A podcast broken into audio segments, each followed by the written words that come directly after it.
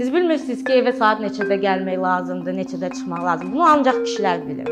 Onlar ə, bilir ki, qadın hara necə geyinməlidir, özünü necə aparmalıdır, ə, evə vaxtında neçədə gəlməlidir.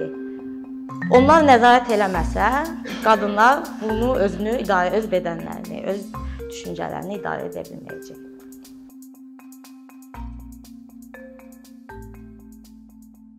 Salam dostlar. Biz ə, Səbinə xanım da qeyd elədiyi kimi, bu gün niyə hələ də biz gender bərabərsizliyinə etiraz edirik mövzusu ətrafında danışacağıq. Bu barədə suallara və cavablara keçməmişdən öncə istərdim ki, kiçik bir fərzəvi situasiya düşünək və hamımız burada oturan hər kəs o situasiyanı öz beynində təsəvvür edə bilsin. Təsəvvür edin ki, bir şirkət var və siz o şirkətdə işləyirsiniz. Və həmin şirkətdə 100 nəfər işçi var. Bunun 50-si Azərbaycanlılardır, sizsiz. 50-si də digər, deyəlim ki, Amerikalı, Alman, İngilis fərq etməz. Deyək ki, Amerikalılardır. Həmin şirkətdə baxmayaraq ki, nizamnamədə heç bir ayrı seçkilik, yəni yol verilməyib heç bir ə, məhz Azərbaycanlılara və yaxud Amerikalılara aid ə, çıxarışlar və yaxud qeydlər nəzərə alınmayıb. Hər işçi eyni haqqlara malikdir. Amma buna baxmayaraq reallıqda həmin şirkətin bütün üst vəzifələrində, qərarverici vəzifələrində yalnız Amerikalılar seçilir və yaxud təyin olunur.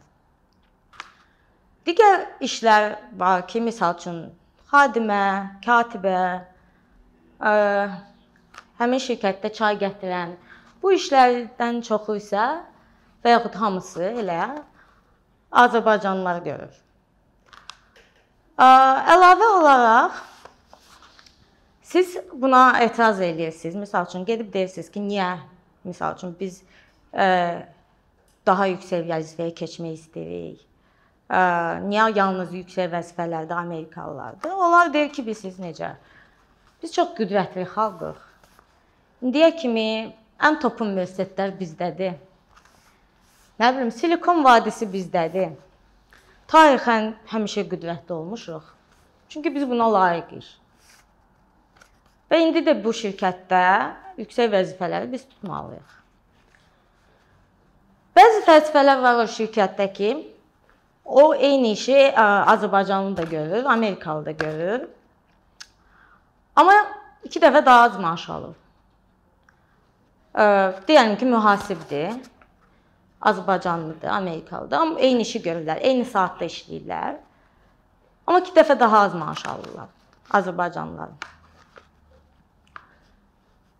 Bundan daha betər situasiya da odur ki, Amerikalılar çəkinmədən bir-birlərinə məsəl üçün belə bir ifadələr işlədilər. Azərbaycanlıların hətta yanındakı özünü Azərbaycanlı kimi aparma, bir Amerikalı o birinə deyir.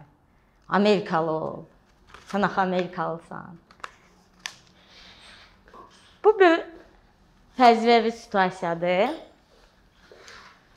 Amma biz bunu proyeksiya eləsək reallığa, biz görərik ki, hələ də dünyada, eləcə də bizim cəmiyyətdə Bu münasibətlər qadınlarla kişilər arasında olan münasibətlərlə tam-tam eynidir.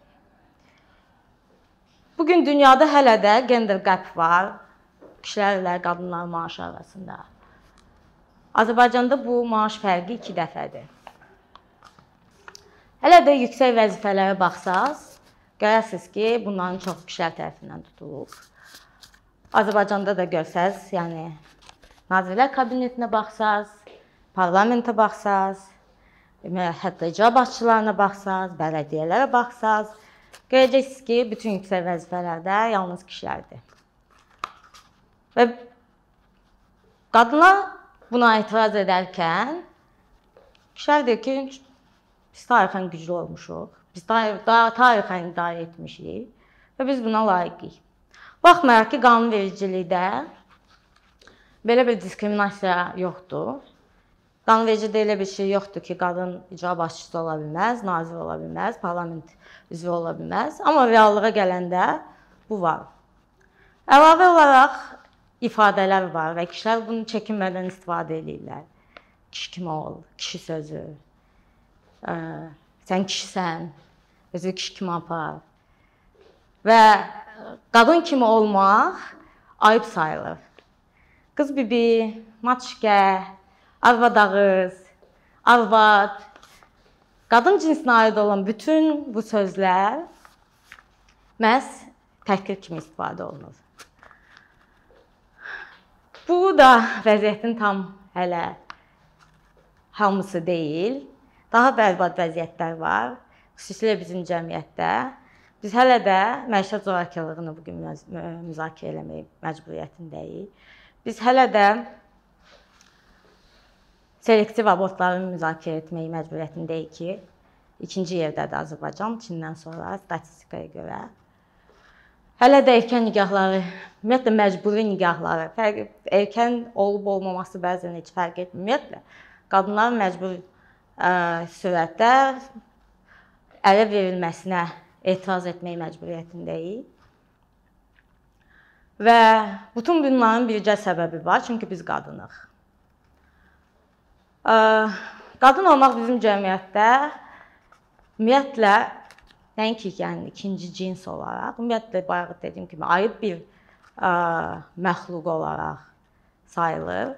Hətta bundan dolayı biz fikir versək LGBT problemlərin böyük bir hissəsi də bundan dolayıdır qadın lezbiyanlar daha az şiddətə məruz qalır nəinki qey kişilər. Çünki qadın olmaq ayıb sayılır, qadın doğulmaq onsuz da ayıb sayılır. Yaxşı olar ki, doğulmasın, selektiv abort edib ümumiyyətlə dünyaya gətirməmək. Gətirilibsə tez bazar onu ələ verib canını qurtarmaq. Bir də düşünün sonradan qadın olmaq. Yəni kişi cinsində doğulub, sonra qadın olmaq. Və bu ümumiyyətlə bağışlanmaz bir hal sayılır və burdan doğan şiddətin ə, əsl səbəbi yenə də qadın cinsi və qadın kimi olmaqdır. Başqa ə, problemlərdən biri də odur ki, əslində ümumi gender bərabərsizliyi götürsək, bu kişiləri də sərf eləmir. Çünki bu gender rollar, təyin olunmuş gender rollar kişilərin də üzünə müəyyən, üzərinə müəyyən yük qoyur və bu yük misal üçün kişi evi saxlamalıdır. Kişinin üzərində mütləq, nə bilim, evlənmək istəyirsə, evi, maşını və s. olmalıdır. Qadın işləməsə, yox kişi mütləq işləyib evi dolandırmalıdır. Bütün ev ailənin yükünü öz üzərinə götürməlidir ki, burada da kişiyə seçim verilmir. Və yaxud 18 yaş tamam olmuş kişilərin gedib məcburi hərbi xidmətdə xidmət etməsi. Bu da həm ali seçkilikdir, həm də kişilərin üzərinə qoyulan bir öhdəlikdir ki, sən qoruyucusan, sən müdafiə müdafiə etməlisən. Çünki sən kişisən. Amma bütün ümumi baxsaq yenə də ən çox zərər çəkənin bu vəziyyətdə qadın cinsi və gender mənsubiyyətindən danışırıqsa, qadın və LGBT fərdləri olduğunu fərqində varacağıq.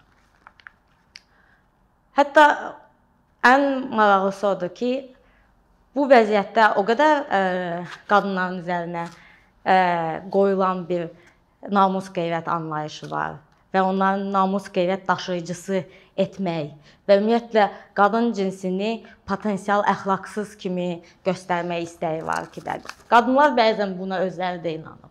Bir çox hallarda belə bir ə, müzakirələrlə rastlaşıram. Biz qadınları açıb buraxsaq olacaq əxlaqsız. Hətta qadınlar bəzən özləri də deyir, bizi biz indi icazə almayaq kişidən. Biz biz kişidən icazə almasaq, onda nə istədiyimizi eləyəcəyik. Yəni qadına ə, müəyyən bir əxlaq kişilər üçün nisb təbii ki, yəni əxlaqın obyektiv bir ə, təsnifatı yoxdur. Kişilərin əxlaq bir anlayışı var və o əxlaq anlayışını qadınların üzərinə yükləyiblər və həmçinin də potensial olaraq qadınları o əxlaq, namus, qeyrətə zərər verəcək bir varlıq kimi görürlər. Yəni bu selektiv abortların, erkən nikahların da səbəbi budur ki, bu qadından tez bazar biz canımızı qutaraq, ə, potensial olaraq mənə ə, bir ləkə gətirməsin. Ondan dolayı da potensial əxlaqsız bir ə, varlıq kimi göstərməyə çalışırlar. Yəni biz sizə nəzarət eləməsək, siz bilmirsiniz. Siz bilmirsiniz ki, necə geyinmək lazımdır. Siz bilmirsiniz ki, özünüzü necə aparmaq lazımdır. Siz bilmirsiniz ki, evə saat neçədə gəlmək lazımdır, neçədə çıxmaq lazımdır. Bunu ancaq kişilər bilir. Onlar ə, bilir ki, qadın hara necə geyinməlidir, özünü necə aparmalıdır. Ə, evə vaxtında neçədə gəlməlidir. Onlar nəzarət eləməsə, qadınlar bunu özünü idarə öz bədənlərini, öz düşüncələrini idarə edə bilməyəcək. Ən pis odur ki, biz ə, dəfələrcə mən bunu seminarlarda müzakirə eləyəndə buna qarşı gələn tərəflərin böyük hissəsi siz bizim mədəniyyətimizi dəyişmək istəyirsiniz. Siz ə, bu bizim mədəniyyətimizdir, bu bizim adət-ənənəmizdir. Amma bu mədəniyyət deyil. Erkən nigahlar heç bir zaman bir mədəniyyət ola bilməz. Qadına qarşı zorakılıq, onu döymək, onu idarə etməyə çalışmaq heç bir zaman mədəniyyət ola bilməz. Heç kəs ə, gender bərabərliyi deyəndə kimisə teatra getməkdən, film çəkməkdən, film izləməkdən, gedib filharmoniyada musiqi izləməkdən ə, məhrum etmir. Ə, gender bərabərliyi olan zaman siz yenə də Şəfiq Axundovu dinləyə bilərsiniz. Siz yenə də Fikrət Əmirovu dinləyə bilərsiniz. Amma həqiqətən də əgər mədəniyyətdən söhbət gedirsə. Amma ə, məsələ döyməkdirsə, məsələ ə, kimisə məcbur bir qrup insanı məcbur ə, azadlıqlarını əlindən almaqdırsa, onu seçim etməməyə istər bu məişət mövzusunda olsun, istər bu ə, hansısa siyasi mövzuda olsun, seçimlərinə icazə verməməyə Bu mədəniyyət heç bir zaman sayıla bilməz. Əksinə, e, bir qrupun e, əzilməsi və əgər biz məhz qadınlardan danışırıqsa, bu cəmiyyətin və ümumiyyətlə dünyanın yarısından çoxluğunu təşkil edir. Həmin qrupun əzilməsi, onlara eyni imkanların yaradılmaması, kağızda hüquqların verilib amma reallıqda verilməməsi həmin cəmiyyət ümumiyyətlə dünyanın inkişafının qabağını alacaq. Yəni biz inkişafdan danışırıqsa, bu artıq təsbit olunub ki, o inkişaf mütləq şəkildə inklüziv olmalıdır hər bir fərd üçün, hər bir qrup üçün. Bu qrup dini, irqi, milli, gender mənsubiyyətinə görə fərqli ola bilər. Fərq etməz. Hər bir qrupun eyni imkanlara, eyni hüquqlara və evin içindən tutmuş çöldə görülən bütün işlərə dair eyni imkanların yaradılmasına haqqı var və bu haqlar bərpa olmayana kimi biz cəmiyyətin və yaxud dünyanın inkişafından danışa bilmərik. Və xüsusilə mən ə, zorakılıqlara ayrılıb ayrıca nəzər salmaq istirdim. Bir qrup ə, insanın hələ də evdə məhz qadın olduğu üçün, işdə məhz qadın olduğu üçün cinsi, fiziki, psixoloji, iqtisadi zorakılığa məruz qalması artıq bu cəmiyyətdə ədalətsizliyin olduğundan və ədalətsizliyin baş verməsindən xəbərdar edir. Bu qədər.